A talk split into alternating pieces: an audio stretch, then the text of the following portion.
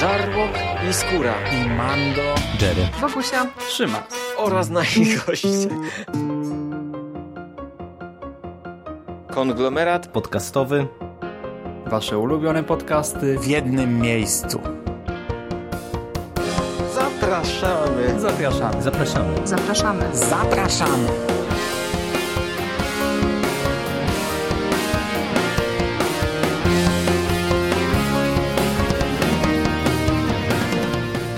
Witamy Was w konglomeracie podcastowym, czyli na platformie, która zbiera wszystkich Waszych ulubionych łowców w jednym miejscu.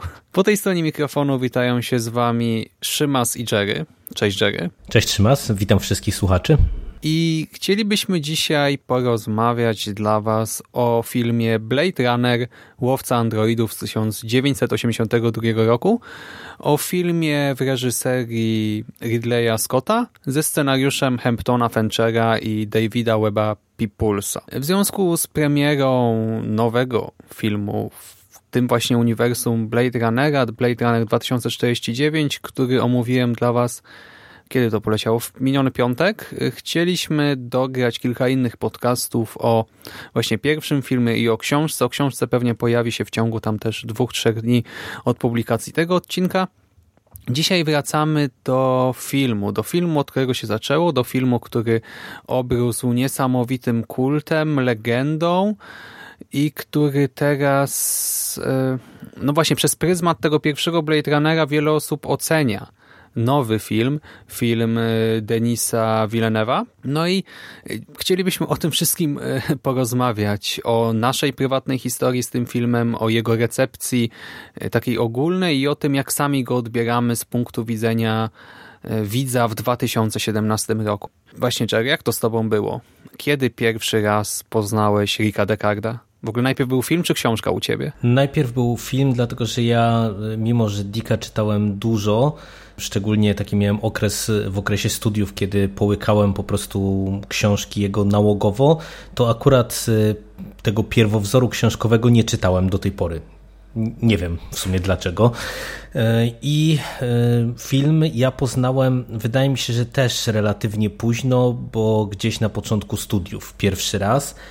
I ja tak naprawdę to w tej chwili nawet nie umiałbym e, odpowiedzieć na pytanie, którą wersję tego filmu ja widziałem jako pierwszą, e, bo po prawdzie to mam e, w głowie tylko wersję tą tak zwaną Final Cut, która chyba jest tą, tą wersją, która w tej chwili jest wydawana na Blu-rayach i na DVD i która jest uznawana za tą taką wersję ostateczną filmu. Jak nazwa wskazuje. Tak, jak nazwa wskazuje. Mhm.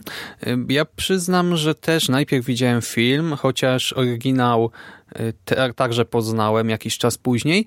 Film, szczerze mówiąc, ja nawet nie wiem ile razy go widziałem, nie pamiętam żadnych konkretnych okoliczności. Na pewno co najmniej dwa razy.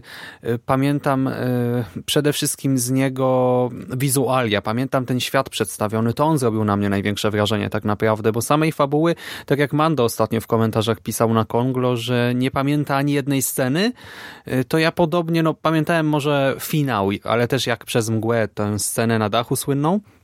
A poza tym cały film mi totalnie wyleciał z głowy, za to akurat pierwowzór książkowy pamiętam, no poznałem go troszkę później e, w wersji tego słuchowiska z audioteki, ale pamiętałem go bardzo dobrze i teraz, gdy oglądałem drugi raz, to wręcz mi się trochę gryzły te dwie wizje.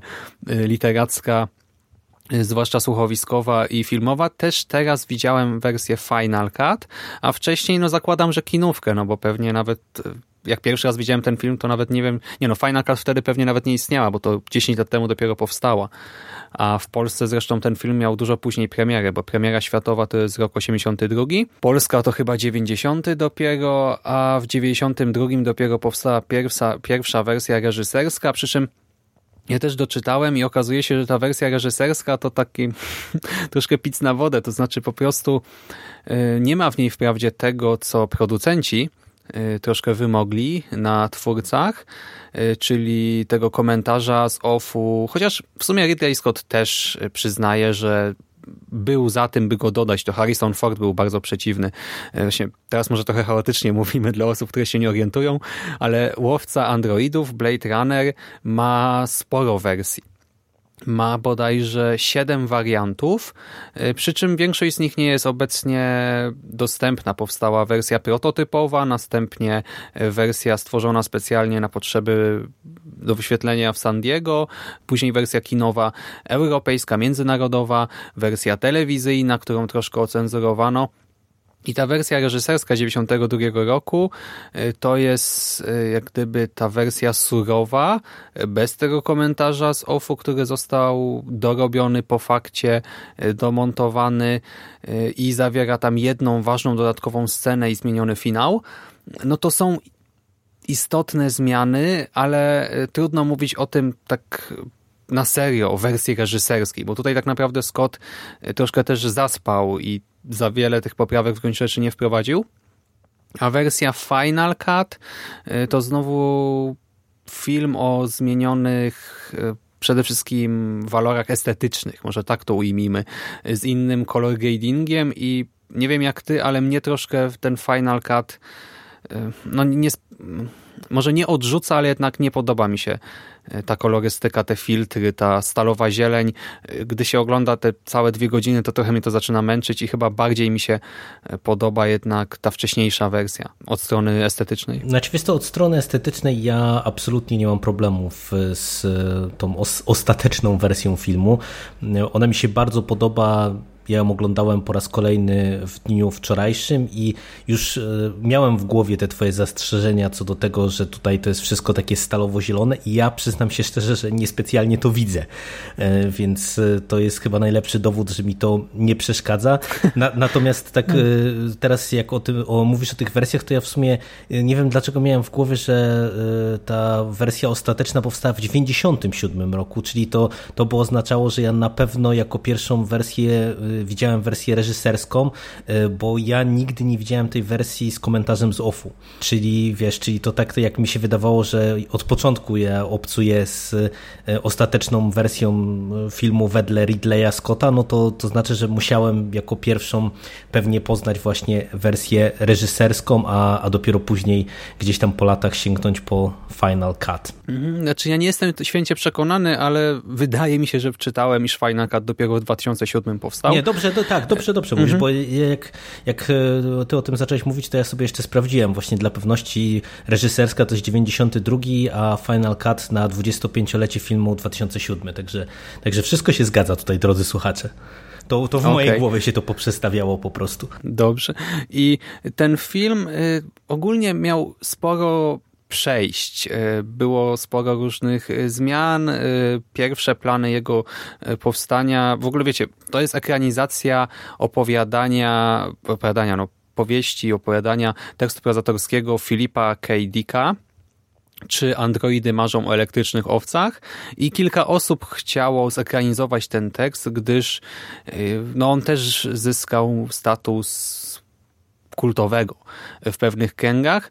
Niektórzy uważają, że to jeden z najlepszych tekstów Dicka, inni z tym bardzo polemizują. Teraz to zostawmy. Na pewno jest to proza ciekawa i wartościowa w jakiś tam sposób. I e, w końcu dorwał się do tego tekstu Hampton Fancher i miał tam swoją wizję ekranizacji tego, przy czym w pojedynkę sam zakup praw był dosyć problematyczny, właściwie odkupienie tych praw w ogóle jeszcze wcześniej to Martin Scorsese chciał kręcić ekranizację. Ostatecznie zebrali się Hampton Fancher, David Peoples i Ridley Scott i wersji scenariusza też było kilka i Część z nich była trochę bliższa oryginałowi, zwłaszcza jeżeli chodzi o finał. Jeżeli oglądaliście ten film, no to wiecie tam na przykład, że bohaterowie, część bohaterów przeżywa, nie? No to w oryginale to miało wyglądać troszkę inaczej. I ostatecznie e, no, dostaliśmy film, który e, w ogóle przy tych pierwszych pokazach został bardzo źle odebrany. Nawet krążą takie legendy, wiecie, ciężko to sprawdzić w dzisiejszych czasach, że ta pierwsza testowa widownia pisała w komentarzach e, no, rozwinięcie słynnego skrótu WTF jako opinię na temat e, pokazu. No zgodnie z miejską testowego. legendą to to był jeden z argumentów za dodaniem tego komentarza z offu, żeby trochę uporządkować widzom, którzy się czuli zagubieni w tej fabule, o czym tak naprawdę jest film. Mhm. I podobno Ridley Scott aprobował to wszystko, ale sam Harrison Ford był bardzo na nie i jak się słucha tego komentarza, jak ja to widziałem pierwszy raz, wydaje mi się, że z tym komentarzem, y, to nie zwracałem na to uwagi. Ja teraz przed, przed tym nagraniem, przed seansem nowego filmu obejrzałem Final Cut, ale te inne wersje sobie też tam przejrzałem, powiedzmy. I ten komentarz teraz troszkę mnie irytuje. Wtedy wydaje mi się, że nie zwróciłem na niego większej uwagi, ale teraz naprawdę słyszę, że Ford tak to wszystko mówi od niechcenia, że w ogóle nie czuć w tym za bardzo gry aktorskiej. I też taka legenda miejska mówi, że oni to nagrywali kilka razy i przy ostatnim ostatnim, bodajże trzecim nagraniu Ford stwierdził, że w ogóle ma to gdzieś, że specjalnie nagra to tak y, no, źle, y, bez tej takiej smykałki aktorskiej by zniechęcić do wykorzystania tego materiału, a ostatecznie ten właśnie ostatni byle jaki materiał poleciał. Nie wiem, Ale no to w sumie też, to brzmi to... to wiarygodnie. Nie, mi się wydaje, że to jest miejska legenda, bo ja jak e, właśnie trochę doczytywałem e, o, o tym, to oczywiście ta anegdotka krąży. E, wielokrotnie jest powtarzana w różnych miejscach w sieci, ale ja też trafiłem na jakiś fragment wywiadu z Fordem, który temu zaprzecza. W tym sensie, że on jakby mówi, że to nie było tak, że on specjalnie to zrobił, tylko po prostu, że to się odbyło na zasadzie takiej, że on faktycznie był bardzo na nie, żeby ten komentarz dodawać. No i po prostu no, postarał się, żeby go zrobić w jego opinii, ale yy, tak naprawdę to uważał, że on nigdy do filmu nie trafi. No i teraz no po tylu latach... No ale to w sumie ta, podobnie Tak, tak, i wiesz, i po tylu latach to trudno trochę pewnie powiedzieć, na ile Ford próbuje, wiesz, zmienić rzeczywistość, a na ile w tej historii y, jest faktycznie y, ziarno prawdy, że zrobił to na odwal się, y, tak żeby po prostu zaliczyć i skasować czeki i iść do domu. No ale to już zakulisowe pewnie e, historie z Hollywood, których, które trudno będzie zweryfikować. Mhm. E, w każdym razie e, no ten komentarz spoza kadru obecnie no też ma swoich fanów, ludzi, którzy się na tym wychowali, pałają do tego sentymentem i swoich takich skrajnych przeciwników, którzy twierdzą, że to absolutnie niszczy film. Ty masz jakieś zdanie na ten temat? Wiesz to, ja, ja, ja mimo, że tak jak wspomniałem, nie przypominam sobie, żeby tą, żebym tę konkretną wersję filmu widział, to e, ja się do niej od jakiegoś czasu przymierzam, dlatego że ja mam z Blade Runnerem tak, że e, to jest film, który jest uznawany za klasykę science fiction, klasykę e, cyberpunku e, przez wielu, co jest w sumie dosyć też kontrowersyjną tezą, ale w kontekście tego komentarza z OFU to mi się wydaje, że on do tego filmu tak naprawdę to może dobrze pasować, dlatego że dla mnie Blade Runner to jest przede wszystkim taki kryminał noir, czy jak to się mówi właśnie o tym konkretnym filmie neo-noir, noir. E, I mhm. wiesz, no, konwencja noir ma to do siebie, że ta narracja z OFU często była w niej wykorzystywana I, i, tak jak bardzo często głównym bohaterem jest właśnie jakiś taki e, detektyw e, prywatny albo jakiś policjant po przejściach, który gdzieś komentuje nam całą zastaną rzeczywistość właśnie z OFU, no to ja totalnie to oglądając Blade Runnera widzę. Mimo, że tego komentarza nie ma, to ja myślę, że gdyby to było wiesz, dobrze zrobione od strony scenariusza, to by to naprawdę mogło fajnie grać. No, mi się trudno ustosunkować, dlatego że jednym z zarzutów do tego komentarza z OFU jest to, że on jest po prostu mm, słabo e, rozpisany, nie? W kontekście, wiesz, takiej e, materii scenariuszowej, mhm, tak, tak. nie? Więc po prostu, no, jeżeli faktycznie tak jest, że po prostu to jest e, zrobione słabo, że to nie pasuje do tej wizji artystycznej i, i koncepcji całości filmu i od strony wizualnej i audiowizualnej i tak dalej, i tak no to to ja rozumiem, że, że przeciwnicy mogą też być e, bardzo głośni i mieć w ręku swoje argumenty. Natomiast właśnie z tego punktu widzenia, jako, jako takie neo-noir, to, to dla mnie wydaje mi się, to jest całkiem też sensowny i racjonalny w gruncie rzeczy pomysł. Mhm, tym też e, tłumaczyli to wszystko scenarzyści, a poza tym nawet Blade Runner był kręcony w tym samym studiu zewnętrznym, co ekranizację Chandlera, nie? I wiadomo, że yy, znaczy to może akurat nie było jakoś celowe, celowy zabieg, że także chcemy kręcić w tym samym miejscu, ale no, twórcy zdawali sobie sprawę z tego, jaką konwencję stosują i co się z tym wszystkim wiąże. I rzeczywiście, jak tak myślę o widzach, którzy na przykład nie znają w ogóle tego filmu, tego świata, czy tekstu oryginalnego, to może nawet e, lepiej jest poznać wersję z komentarzem, bo e, w sumie jakbym obejrzał Final Cut nie mając bladego pojęcia, o co chodzi w Blade Runnerze, to może też bym się czuł zagubiony. E, nawet istnieje duże prawdopodobieństwo, że tak by było. Też myślę, że to nie jest film łatwy w odbiorze z tego punktu widzenia, czyli takiego, że w sumie jak się ogląda Blade Runnera w tej wersji e, Final Cut, to to, to jest przede wszystkim uczta e, wizualna, audiowizualna, ale z punktu widzenia fabuły, to wydaje mi się, że ta historia jest bardzo prosta i w sumie to ja bym nie powiedział, że może to jest ryzyko tego, że, człowiek, że widz może się poczuć e, zagubiony, ale no bo wiesz, bo właśnie no, to, to tak naprawdę jest bardzo prościutka historia, ale jest wiele elementów takich, które są nie do końca czytelne, czy podane w taki sposób, że e, aż by się prosiło, żeby je rozwinąć, no bo wiesz, tu mamy i postaci takie, które się pojawiają ni z tego nizowego, teoretycznie odgrywają dosyć jakąś istotną rolę, a tak naprawdę no, nie wiadomo kim one są, co one robią i tak dalej, i tak dalej.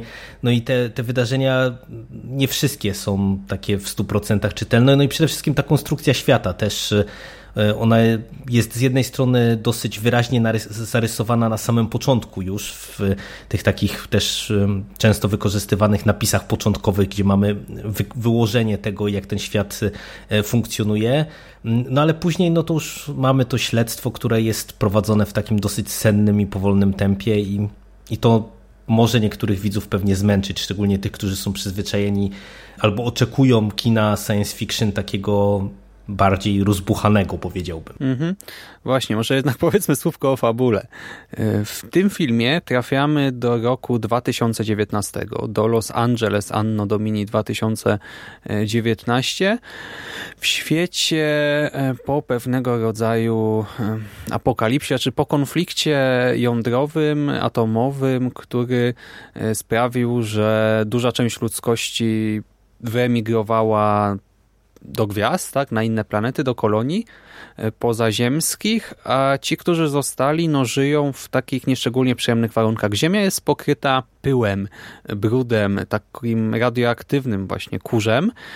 Przy czym, Ziemia... przepraszam, wpadnę ci w słowo, a propos tego zagubienia, to są wszystko rzeczy, które z filmu za bardzo nie wynikają akurat.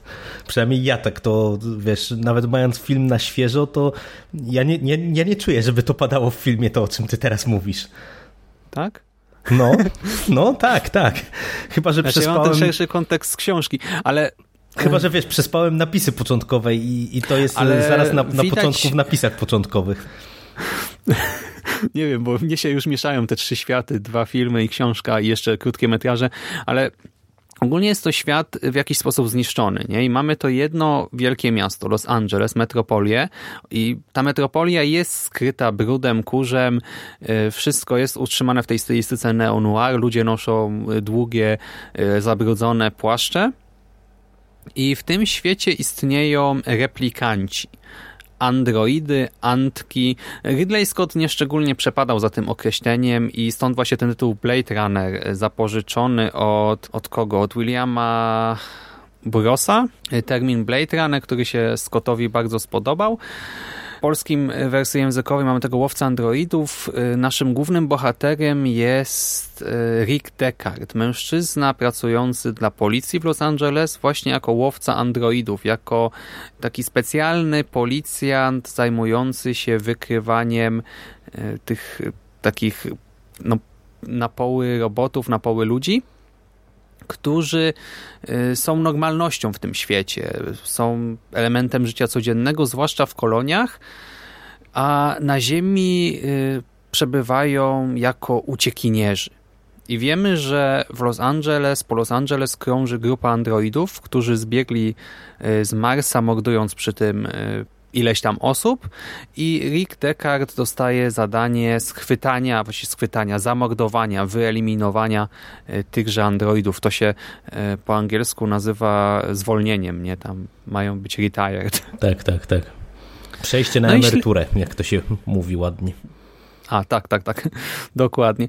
I Harrison Ford w roli y, Descarta rozpoczyna śledztwo w tej sprawie i tak trafia od jednego androida do drugiego. W międzyczasie jeszcze dowiadujemy się, co odróżnia androidy od ludzi, a odróżnia je y, sposób y, empatycznych reakcji. U androidów empatia jest zaprogramowana, oskryptowana, a u ludzi wygląda troszkę inaczej. No i przy pomocy odpowiedniego testu Wojta Kampfa można sprawdzić, czy ktoś jest androidem, czy jednak człowiekiem. No i Descartes na swojej drodze spotyka Rachel. Rachel, kobietę androida, która jednak jest już y, tak doskonale skonstruowana, jest androidem tej najnowszej generacji, Nexusem 6 i jest tak genialnie skonstruowana, że sama y, nie wie, przez większość swojej egzystencji, że jest androidem, ma sztuczną pamięć, sztuczne wspomnienia i coś w rodzaju świadomości.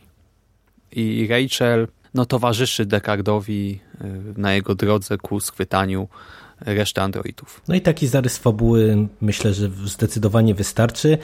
I, i tak jak wspomniałem, no w gruncie rzeczy to jest historia bardzo prosta, bo myślę, że z punktu widzenia obecnego czyli tego narosłego wokół tego filmu kultu, to bardzo wielu widzów, którzy sięgną teraz po Blade Runnera, może się trochę zaskoczyć, dlatego że ja też pamiętam, że y, zdziwiłem się trochę, że to jest tak bardzo kryminalna historia, chciałbym powiedzieć, chociaż nie wiem, czy to jest najlepsze określenie, w tym sensie, że y, ja się spodziewałem, że tutaj będzie bardzo dużo rozważań o naturze tych androidów, o wiesz, takich dywagacji na temat świadomości, y, uzyskania przez nich świadomości i tak dalej, i tak dalej. Transhumanizm szeroko pojęty. Tak, mhm. tak, taki szeroko pojęty transhumanizm, a tak naprawdę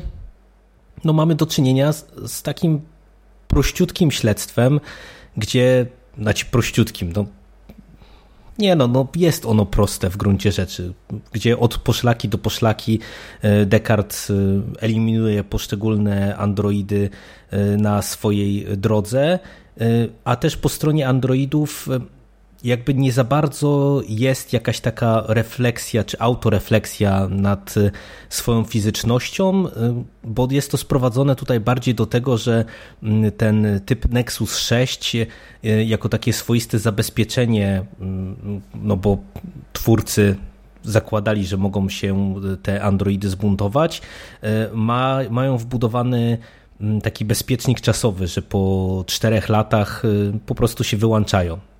No i z punktu widzenia tych androidów to też jakby nie ma specjalnie właśnie takiej jakiejś refleksji nad tym, na ile oni są ludzcy, albo jak nad, nie wiem, nad kwestią emocji, czy właśnie tego szeroko pojętego, czy ujętego transhumanizmu, tylko to się sprowadza trochę do tego, że no, chcą żyć najzwyczajniej w świecie, e, nie chcą skończyć po tych czterech latach jako przycisk do papieru, no i to, to jest wszystko. Tutaj tak naprawdę wiele tych refleksji e, takich natury niemalże filozoficznej nie ma. Tutaj wiele sobie no można i, dopowiedzieć.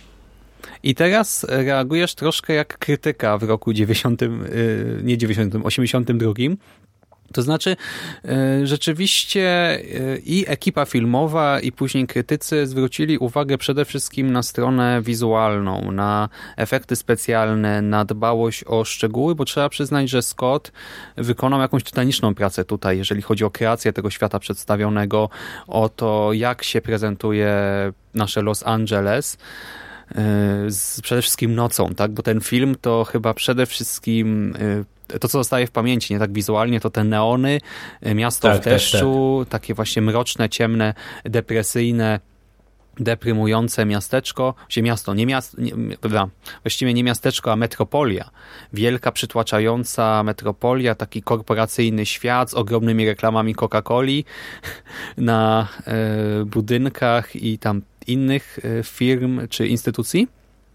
I e, właśnie twórcy, ekipa z planu e, mówiła, że Scott czepia się jakichś detali, właśnie tak, by wszędzie były e, elementy tego świata przedstawionego, stworzone nawet nie na potrzeby zdjęć, a jakiejś większej imersji wśród aktorów i że te efekty były najważniejsze. Tutaj studio, znaczy studio firma EEG, taka dosyć legendarna, należąca do Douglasa Trambala i oni tworzyli też efekty do Odysei Kosmicznej Kubricka i tam innych filmów bliskich spotkań trzeciego stopnia, Star Treka i tak dalej, to oni właśnie tutaj też działali przy łowce androidów.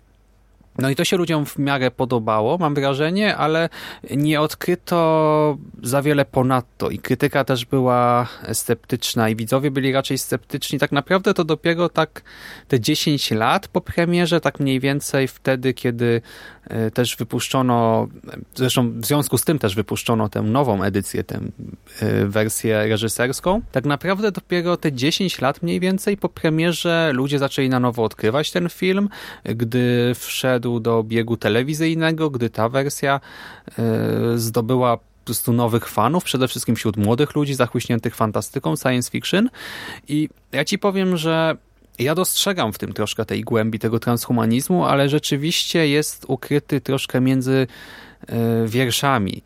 Jest e, no nie na pierwszym planie w gruncie rzeczy. Mamy tę senną opowieść, w której przede wszystkim skupiamy się na świecie przedstawionym i dlatego ja też to pamiętałem, tak, to było moje wspomnienie z Blade Runnera.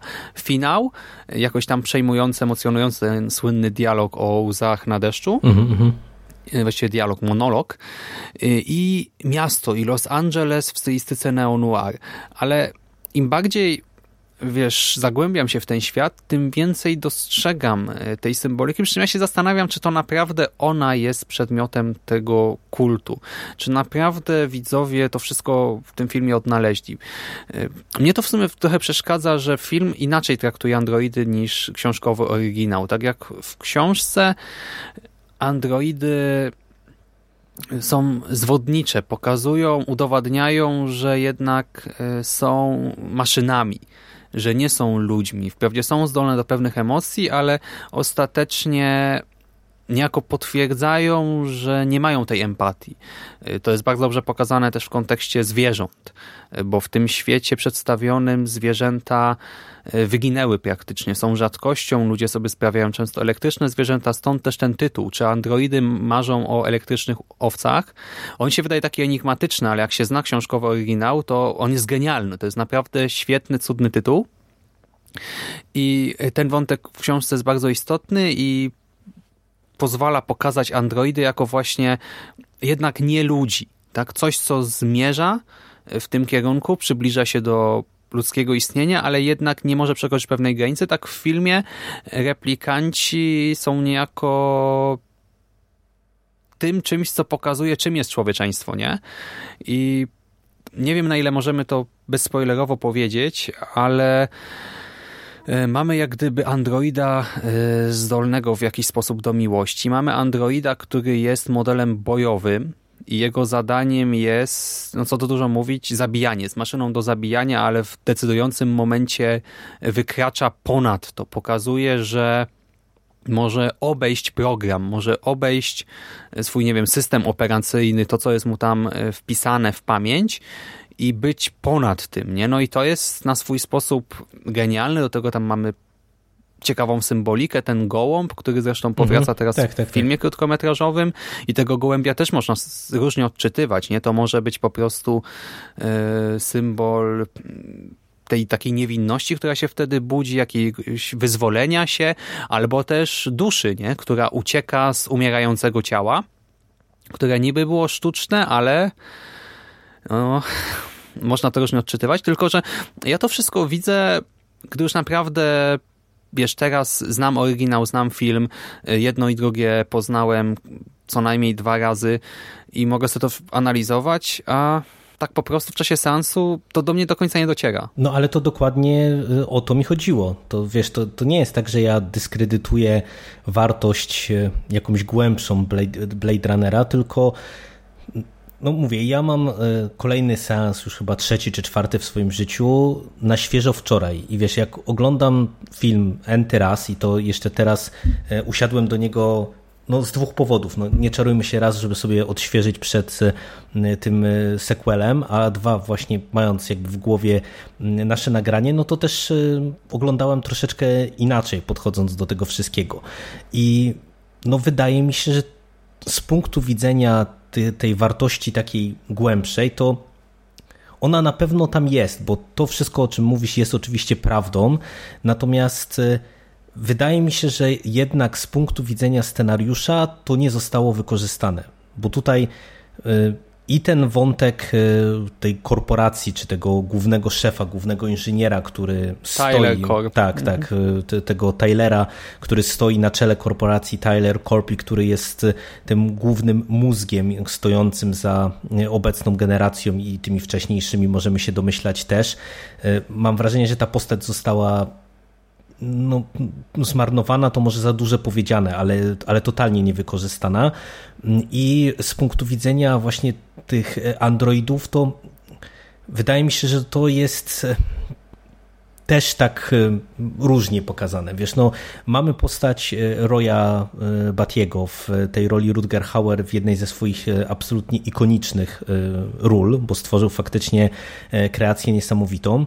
E, I o ile na przykład ta postać e, jest faktycznie jakaś intrygująca i tutaj raz ze względu na tą symbolikę, która e, jest w finale tego filmu, ale też i, i z racji na to, że on, można powiedzieć, ma najwięcej czasu antenowego prawie, jeżeli chodzi o, o, te, android, o, tą, o tę stronę androidów, no to tutaj jeszcze faktycznie trochę tej głębi widać. Ale już na przykład kwestia Rachel, y, to tak jak ja wczoraj y, oglądałem Blade Runnera, to odniosłem wrażenie, że ten wątek jest poprowadzony dosyć dyskusyjnie. Ja na przykład, wiesz, zupełnie wyparłem z pamięci tę scenę zbliżenia pomiędzy Descartem i, i Rachel.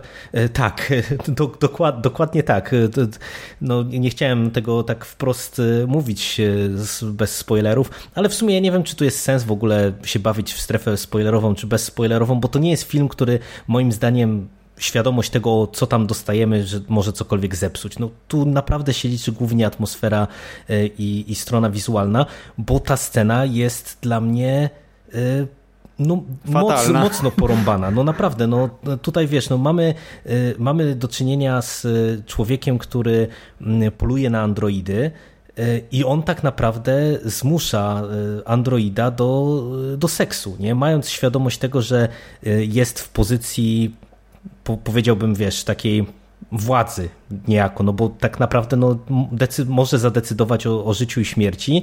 No i ta scena jest po prostu naprawdę fatalna. Z, z dzisiejszej perspektywy to się kompletnie nie broni.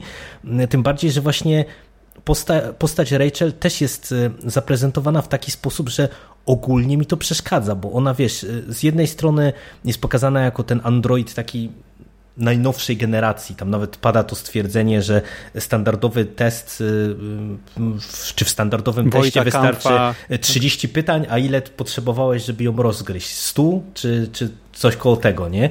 Ponad 100, tak. Tak, i wiesz, i to niby ma świadczyć o tym, że ona jest na innym poziomie, a ona tak naprawdę to y, ona się zachowuje y, trochę jak taka typowa kobieta w opałach, ale y, co jest jeszcze gorsze dla mnie w kreacji tej postaci, ona się zachowuje trochę jak taka mała dziewczynka. Wiesz, w kontekście jeszcze tego tak, też, tak, że tam tak, wraca tak. ten motyw, y, motyw wspomnień, które Tyler jakby zaszczepił czy wykorzystał wspomnienia swojej bratanicy i ona od któregoś momentu w filmie zaczyna się zachowywać jak mała dziewczynka. I na przykład z tego punktu widzenia właśnie ta scena pomiędzy Descartem i Rachel no jest dla mnie tak y, zła na, na tak wielu poziomach, że po prostu ja wczoraj, jak ją zobaczyłem, to się naprawdę aż za głowę złapałem, jak ja mogłem w mhm. ogóle to, wiesz, wyprzeć, czy, czy zapomnieć o tym, że tam e, coś takiego ma miejsce. I właśnie kreacja postaci Rachel pokazuje, że tutaj twórcy no nie do końca jakby nie wiem na ile świadomie, ale no nie do końca wykorzystali potencjał tkwiący właśnie w tej takiej drugiej warstwie, yy, która gdzieś tam jest ukryta. To, co mówisz o, opowieści, to zakładam właśnie, że Dick jednak trochę bardziej się skupił na pokazaniu yy, androidów i ich problemów, czy ich, wiesz, takiej relacji na linii androidy-ludzie w tym świecie przedstawionym. No a tutaj naprawdę tak mocno na pierwszym planie jest właśnie ten wątek e, śledztwa i tak naprawdę polowania, że mnie osobiście naprawdę nie dziwi, że wiesz, pierwsze reakcje były takie, że o co chodzi tak naprawdę, nie? No tak, oryginał książkowy jest moim zdaniem bardziej wielowarstwowy, wieloznaczny, e, przy czym e, no, trzeba go było z czegoś okroić. Okrojono go innymi z merceryzmu, e, z pewnego rodzaju filozofii, ideologii, religii istniejącej w świecie przedstawionym tekstu prozatorskiego. Okrojono go dość mocno też z tego wątku zwierząt, zmieniono troszkę funkcje, role niektórych bohaterów. Wycięto też oczywiście dużo wątków pobocznych. Ja to wszystko rozumiem, ale niekoniecznie w pełni trafia do mnie to, co otrzymałem tutaj. Wspomniałeś o Rachel, w tej roli y, Sean Young. Tak jak ogólnie wydaje mi się, że y, casting jest dobry do tego filmu, tak z Young no, casting mam jest mały... świetny. Y, no tak, ale właśnie z samą Young mam mały problem, bo po pierwsze jest tą taką troszkę małą dziewczynką w ciele dorosłej, co sprawia, że nie do końca kupuje ją jako tego super nowoczesnego replikanta, nie, który ma być nieodróżnialny w porównaniu z człowiekiem. E, ponadto ona od początku, tak jak rozumiem, nie wiem, specyfikę mody, wizję tej mody futurystycznej, nie? Tak, e, ona wygląda troszkę jak robot od pierwszej sceny dla mnie. Może to jest już specyfika tego, że oglądam ten film w 2017, tak? I wiem, że taka moda no, obecnie nie jest powszechna, ale miałem trochę problem z tą postacią i nie tylko y, z Rachel Persa, ale z tą, co właśnie się nią dzieje, z tą sceną no, gwałtu, no, nazwijmy to po prostu napaścią seksualną, bo to nie jest y, wątek romantyczny e, w tej konkretnej scenie, do której się odnosimy i e, to wypada moim zdaniem też e, źle zwyczajnie. Nie podoba mi się ta scena totalnie i nie rozumiem, dlaczego Scott ją tutaj umieścił, ale już inni bohaterowie, właśnie Radker Hauer czy Harrison Ford, no tutaj sprawdzają się doskonale, tak samo Daryl Hannah jako Pris, jako inny android, android taki właśnie będący troszkę seks zabawką, seks lalką świetna rola i też yy, aktorka fizycznie doskonale pasująca do tej roli. Zaś wracając do an samych androidów i wątków transhumanizmu, mm, to jest tutaj obecne, tylko właśnie jest ukryte, mam wrażenie, troszkę. E, mamy e, kwestię, nie wiem, spotkania ze stwórcą, nie, wizytę w Tyler Corp, która na mnie robi duże wrażenie teraz, ale wydaje mi się, że trzeba do niej dojrzeć, by zrozumieć to, jak bardzo e, dialog przeprowadzany tam między Androidem a Tylerem, jak bardzo ta rozmowa jest meta. Ponadto mamy kwestię tego pociągu do androidów, pożądania androida, przy czym ja mam z tym problem, bo nie wiem na ile tutaj mówimy o emocjach, a na ile o zwyczajnym pociągu seksualnym do e, zgrabnego ciała. E, mamy też e, kwestię tej wzajemnej troski o androida o człowieka, czy androida o androida. Przy czym tutaj Scott odchodzi mocno od tego, czego nas uczy Dick w swoim tekście i mnie się wariant Dicka po prostu bardziej podoba. Mamy do tego jeszcze ten, ten ostatni monolog, nie?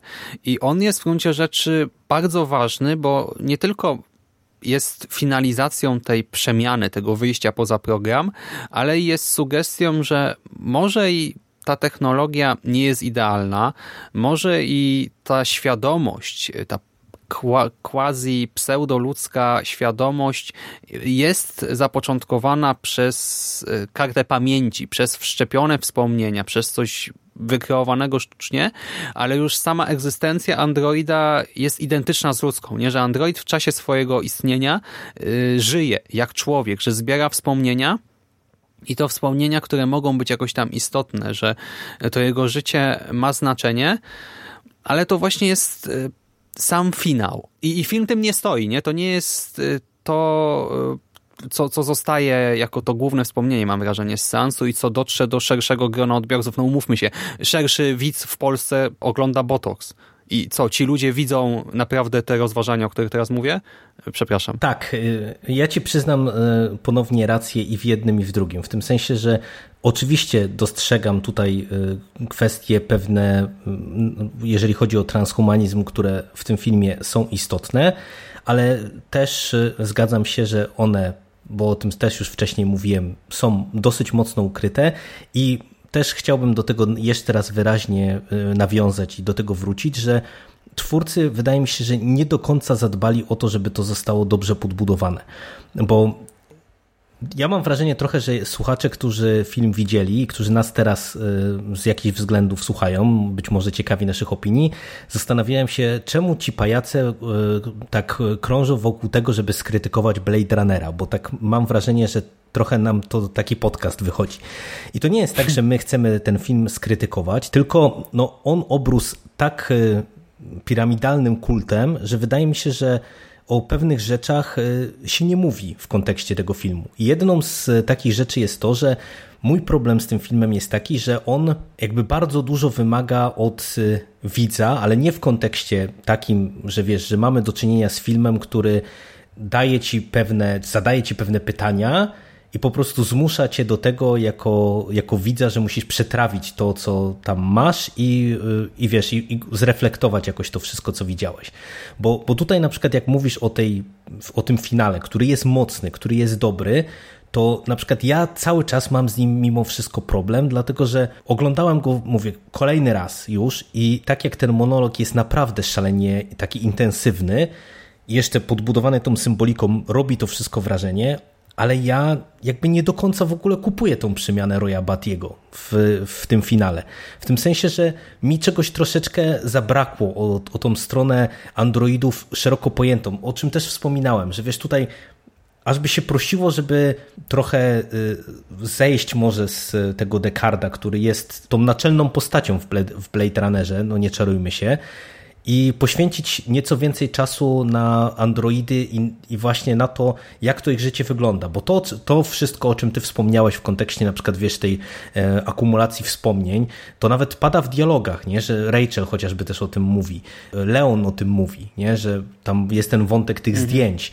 E, wiesz, to są, to są fajne, fajne rzeczy, ale na przykład jak sobie weźmiemy pod uwagę chociażby takiego Roya, no to patrząc chociażby na przebieg rozmowy z Tylerem, patrząc na to, y, jak wyglądało wszystkie wcześniejsze kroki, które y, śledziliśmy i całe, całość jego poczynań, to ja tak naprawdę nie rozumiem tego finału.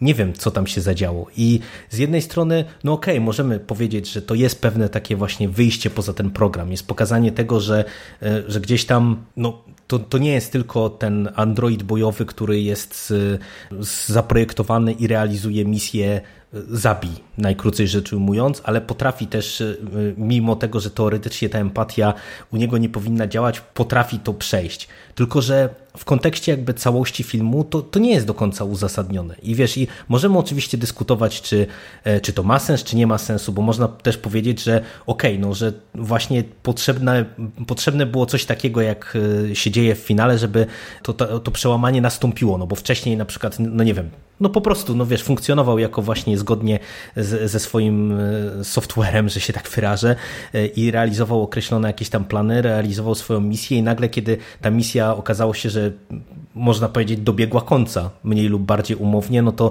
to nagle, że nastąpiło to przełamanie, ale co jeszcze raz podkreślę, myślę, że tutaj to naprawdę my sobie dużo rzeczy tu musimy. zobaczyć. my cały czas dyskutujemy, sobie dopowiadamy coś, co w tym filmie jest, co, czego na ekranie tak naprawdę no, nie do końca zadbano o to, żeby to tam było, nie? I pod tym kątem to mm. ja rozumiem też, dlaczego ten film potrzebował tylu lat, żeby, wiesz, żeby on chwycił. No bo podejrzewam, że im więcej osób ten film obejrzało, im bardziej on zaczął chodzić też w tym drugim obiegu, im więcej ludzi zapoznało się z literackim pierwowzorem, to te media się też zaczynały, podejrzewam, przenikać. I, I wiesz, i było coraz więcej tak, że też, no umówmy się, tak jak wspomniałem, nie, nie, nie wchodźmy może w dyskusję, na ile Blade Runner jest filmem cyberpunkowym, na ile nie, ale też jest na tyle istotnym jakby elementem tego szeroko pojętego cyberpunku, że też wiele osób wydaje mi się, że patrzy na Blade Runnera współcześnie z perspektywy tego wszystkiego, co było po nim. I wiesz, i pewne mhm. elementy, chociażby właśnie w kontekście transhumanizmu, zdecydowanie łatwiej jest wyłapać w tej chwili, czy zwrócić na nie uwagę nam teraz, niżli to było w tym 82. No umówmy się, że jednak trzeba brać poprawkę na to, że e, to było mimo wszystko nowum. To, to wiesz... No właśnie tak, ja e, rozumiem ten kult, nie? Bo tak jak powiedziałem, po prostu w pewnym momencie ludzie zaczęli się też bardziej interesować, nie? Właśnie cyberpunkiem, transhumanizmem, robotyką, tego typu aspektami życia czy kultury i wtedy ten film mógł łatwiej chwycić. Ponadto on jest e, pewnego rodzaju rewolucją, jeżeli chodzi o estetykę w kinie, nie? O wizualia, o przedstawienie pewnej wizji przyszłości i trzeba przyznać, że Scott tutaj dał radę ze swoją ekipą. Zresztą Scott, e, no ja nie jestem jego jakimś psychofanem, ale rozumiem, że to jeden z najważniejszych reżyserów tak ever, nie? że facet ma naprawdę ogromne tytuły, niezwykle ważne tytuły y, na swoim koncie i tutaj też Blade Runner się do nich zalicza. Tym bardziej, że tak tylko ci wpadnę na, na mhm. minutkę w słowo, bo o tym nie powiedzieliśmy, a to też jest warte podkreślenia, że to nie jest tylko kwestia tej strony wizualnej, ale też y, Audio. muzyka Wangelisa, no umówmy się, że zrobiła tutaj też niesamowity klimat i niesamowitą robotę, bo naprawdę ta ścieżka dźwiękowa y, robi wrażenie po dziś dzień. Tak, i to wszystko było rewolucyjne. Na tym się wzorowali później twórcy innych filmów i nie tylko filmów, bo na przykład w anime bardzo często widać do tego odwołania. Zresztą ja sam teraz muszę przecież przypomnieć, że gdy omawiałem dla was Ghost in the Shell, y, ten film y, z tego roku? Czy to już jeszcze już był ubiegły? Nie, Nie z, tego, z tego roku. Z tego roku. Mhm.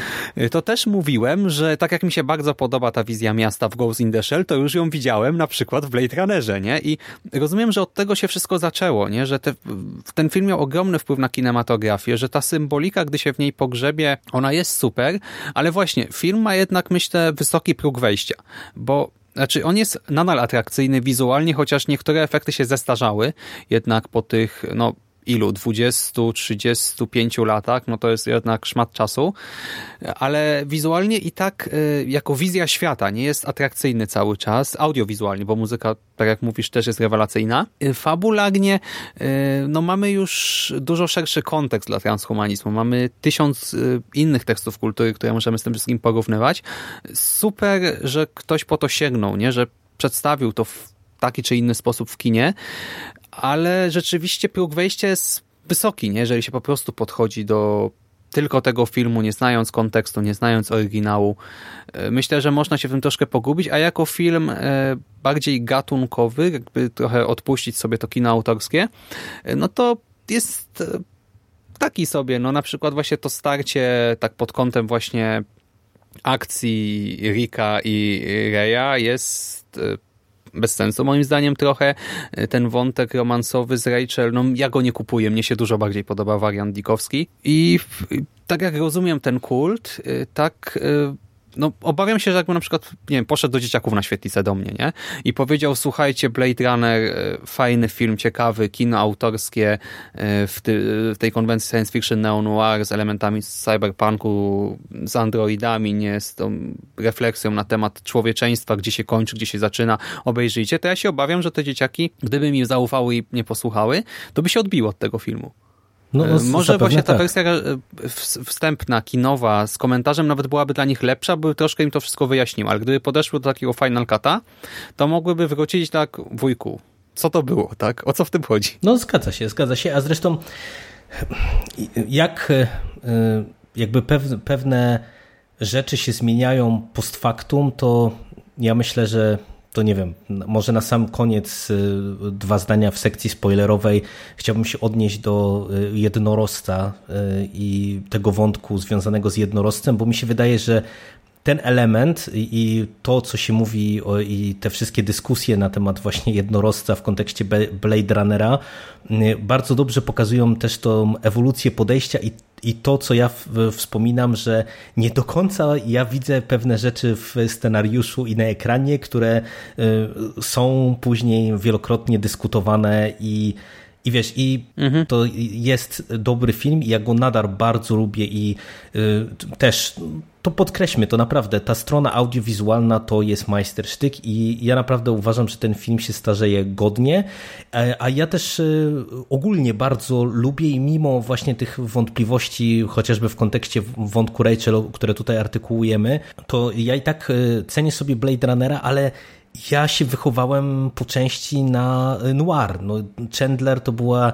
wiesz, dla mnie klasyka, taka żelazna. Ja się zaczytywałem tymi powieściami i nie tylko Chandlerem, ale w ogóle powieściami z tego, tego nurtu, więc ja po prostu, wiesz, widzę tego smętnego Dekarda w chińskiej knajpie, knajpie nad zupką i ja jestem kupiony, nie? Widzę ten płaszcz i ja widzę, y, co, co tutaj twórcy chcą mi y, zaprezentować i pod tym kątem to ja uważam, że ten film się naprawdę godnie starzeje i godnie cały czas trzyma fason, tak bym najkrócej rzecz powiedział, także tyle chyba ode mnie, jeżeli chodzi o taką część bezspoilerową.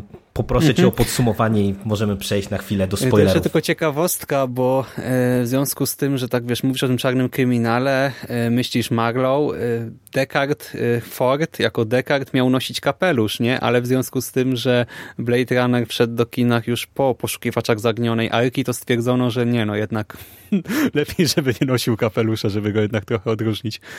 No, fakt, A fakt. tutaj, e, no co, no tak jak mówię, warto znać ten film. To jest ważne dzieło w historii kina. To jest e, dobry film. To jest ciekawe.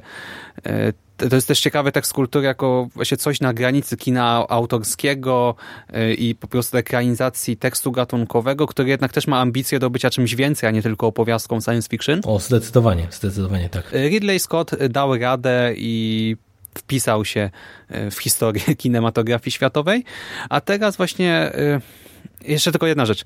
E, dlaczego też film stał się kultowy? Bo się fandom zaczął zmieniać. Zaczęło się o tym mówić. Ludzie zaczęli dyskutować po prostu bardziej o tekstach kultury. Nie zaczęły się zmieniać media, możliwości też dyskusji. I teraz też myślę, że przez to, że mamy internet, że mamy konwenty, że możemy nawet teraz, wiesz, nagrywać podcast ze sobą na temat tego filmu, to wydaje mi się, że te przemiany społeczne też wpłynęły mocno na recepcję i sprawiły, że takie dzieła jak Blade Runner mogły jednak jakoś wypłynąć i dzięki temu powstało Director's Cut w 92 i potem e, Final Cut. Ale to tyle, bezspoilerowo. Jeżeli nie oglądaliście jakimś cudem jeszcze Łowca Androidów, to odsyłamy, e, zachęcamy do seansu. A teraz właśnie słówko jeszcze spoilerowo o wątku Rika Decarda. Ja chciałem e, o tym wspomnieć e, nawet nie tyle dlatego, że to jest jedna z tych rzeczy, które są zawsze dyskutowane przy Blade Runnerze, tylko to jest dla mnie jeden z tych elementów, które właśnie ja wskazuję jako te rzeczy, które, których ja nie do końca widzę w filmie, a które czemuś są tak intensywnie dyskutowane w fandomie, bo wiesz, od 20 lat pewnie, czy od 15 lat cały czas wraca kwestia tego, czy Descartes jest androidem, czy nie jest androidem i jako ten e, żelazny i koronny dowód e, jest podawana ta e, kwestia snu o jednorożcu i e, jednorożca z origami. Dobrze, może wyjaśnijmy jednak, na wypadek, gdyby ktoś nie pamiętał. Chodzi o to, że wersja reżyserska, która w ogóle powstała w taki sposób, że właśnie 91, 92, e, gdy ta wersja telewizyjna zaczęła stawać się popularna, gdzieś znaleziono wersję kinową, którą można było określić jako tę taką wersję pierwotną, surową raw cut. I w oparciu o nią e, dodano do niej po prostu jedną scenę, scenę snu z jednorożcem.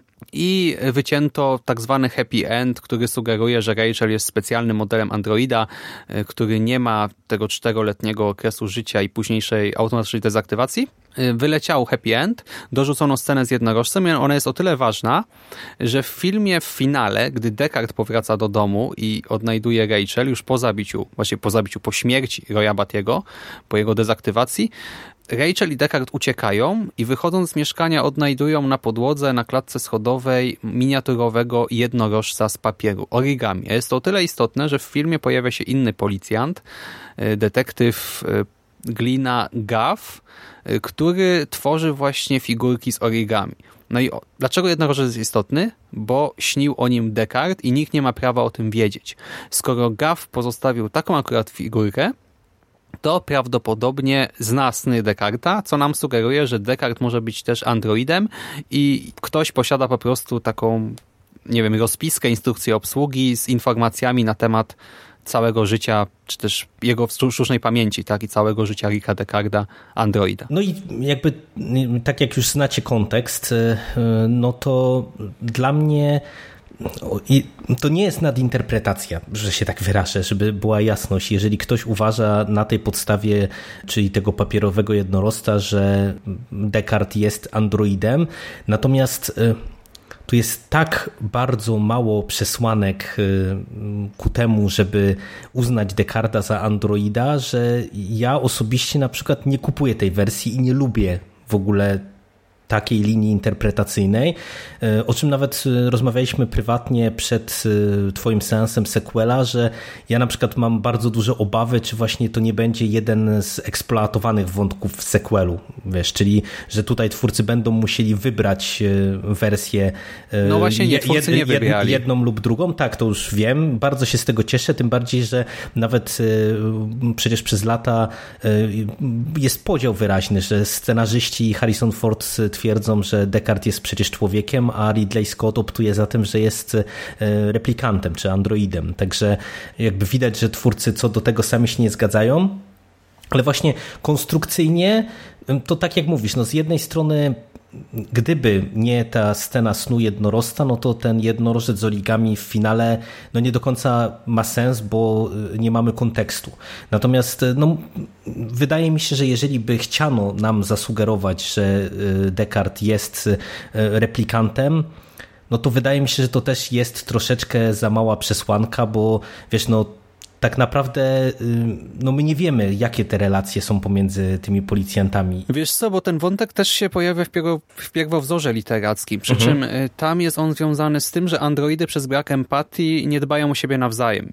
Tak? I w związku z tym, wiesz, łowca androidów jako android, no to jest idealne rozwiązanie, czysto teoretycznie, nie? Bo mhm. to jest ktoś, kto Jasne. i tak nie będzie dbał o tych swoich współtowarzyszy, nawet w ogóle nie będzie się zastanawiał, wręcz przeciwnie, y, może po prostu pałać pewnego rodzaju negatywnymi emocjami do innych antków i je eliminować bez problemu i tam też przez kilka stron tekstu, kilkanaście może nie wiesz do końca jak to jest właśnie czy jeden z policjantów, którego spotyka Descartes jest androidem, czy nie, czy może Descartes jest androidem, czy nie.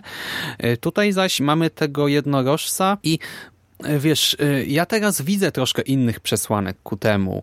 E, mamy, nie wiem, ten pojedynek z Pris i Royem, gdzie Descartes jest troszkę wytrzymały w gruncie rzeczy, nie? Bo on otrzymuje dość poważne obrażenia, widzimy, że te androidy są dużo silniejsze, a on jednak jakoś tam sobie radzi.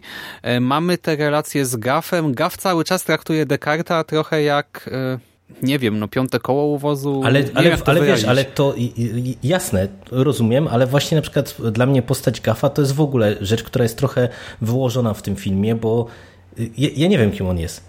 No wczoraj oglądałem po raz kolejny ten, ten film i nie wiem, kim on jest. Ja nie wiem, czy on jest policjantem, nie wiem, co on robi, nie wiem, dlaczego właśnie jest taka relacja pomiędzy nim a Descartem.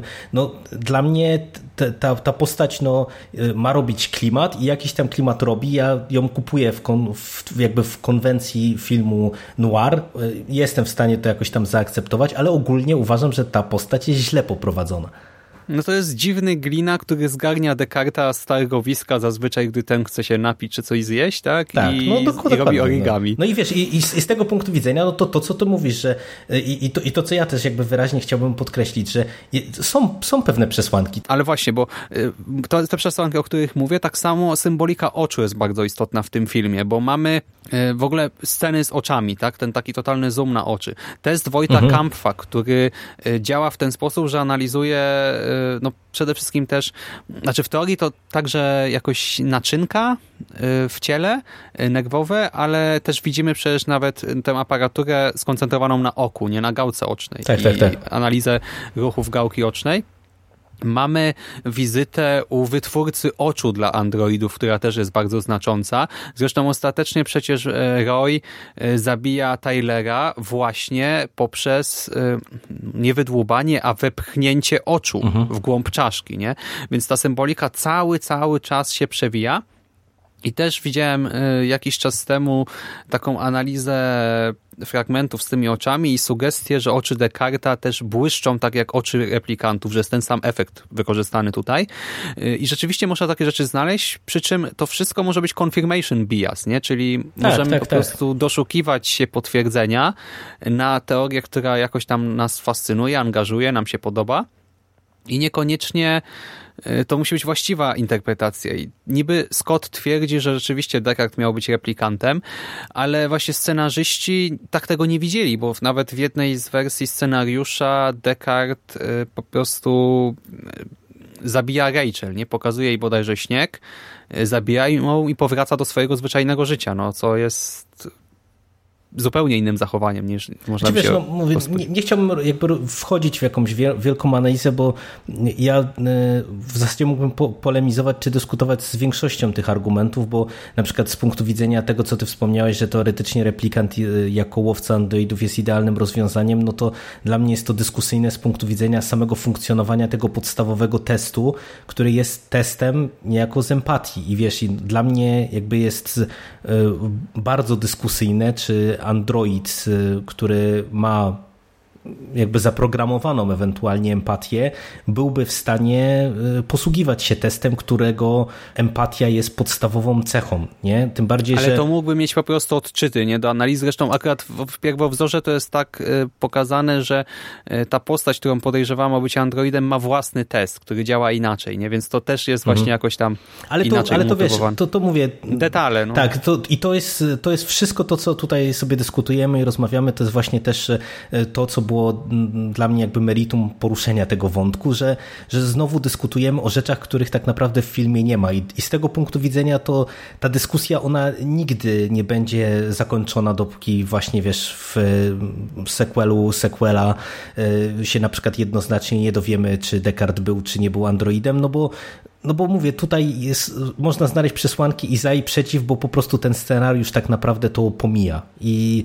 i ja do końca z tego punktu widzenia y, no, nie, nie, nie, widzę, żeby to było dobrze zrobione, bo wiesz, bo jeżeli by chciano się pobawić z widzem bardziej świadomie w tego rodzaju nawiązania, no to, to wydaje mi się, że to trzeba by, byłoby zrobić inaczej. No nie wiem, ode mnie to mm. jakby myślę, żeby było na tyle, bo nie chciałbym tego jakoś bardziej rozwijać, bo byśmy mogli pewnie dyskutować do rana. Cóż, gdybym obejrzał ten film właśnie te 25 lat temu to mógłbym w sumie zacytować Roya i powiedzieć po seansie, że widziałem rzeczy, w które ludzie mogliby nie uwierzyć.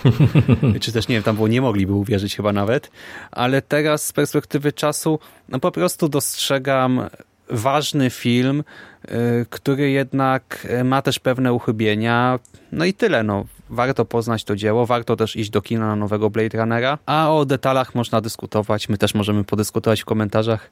Ciekawe, czy jacyś fanatycy się znajdą, albo jacyś skrajni przeciwnicy nie filmu, którzy tutaj się zaangażują. No. Bardzo, chęt, bardzo chętnie włączymy się do dyskusji. No dobra, Jerry, to dzięki za rozmowę serdeczne. Dzięki. I co, i wracamy na łowy, nie? Potrzeba te Nexusy jeszcze No ja, ja, nie wiem, ja nie wiem najpierw, czy nie skoczę na makaron. Dobra, to smacznego, miłego wieczoru, miłego dnia. Cześć. Dzięki, cześć.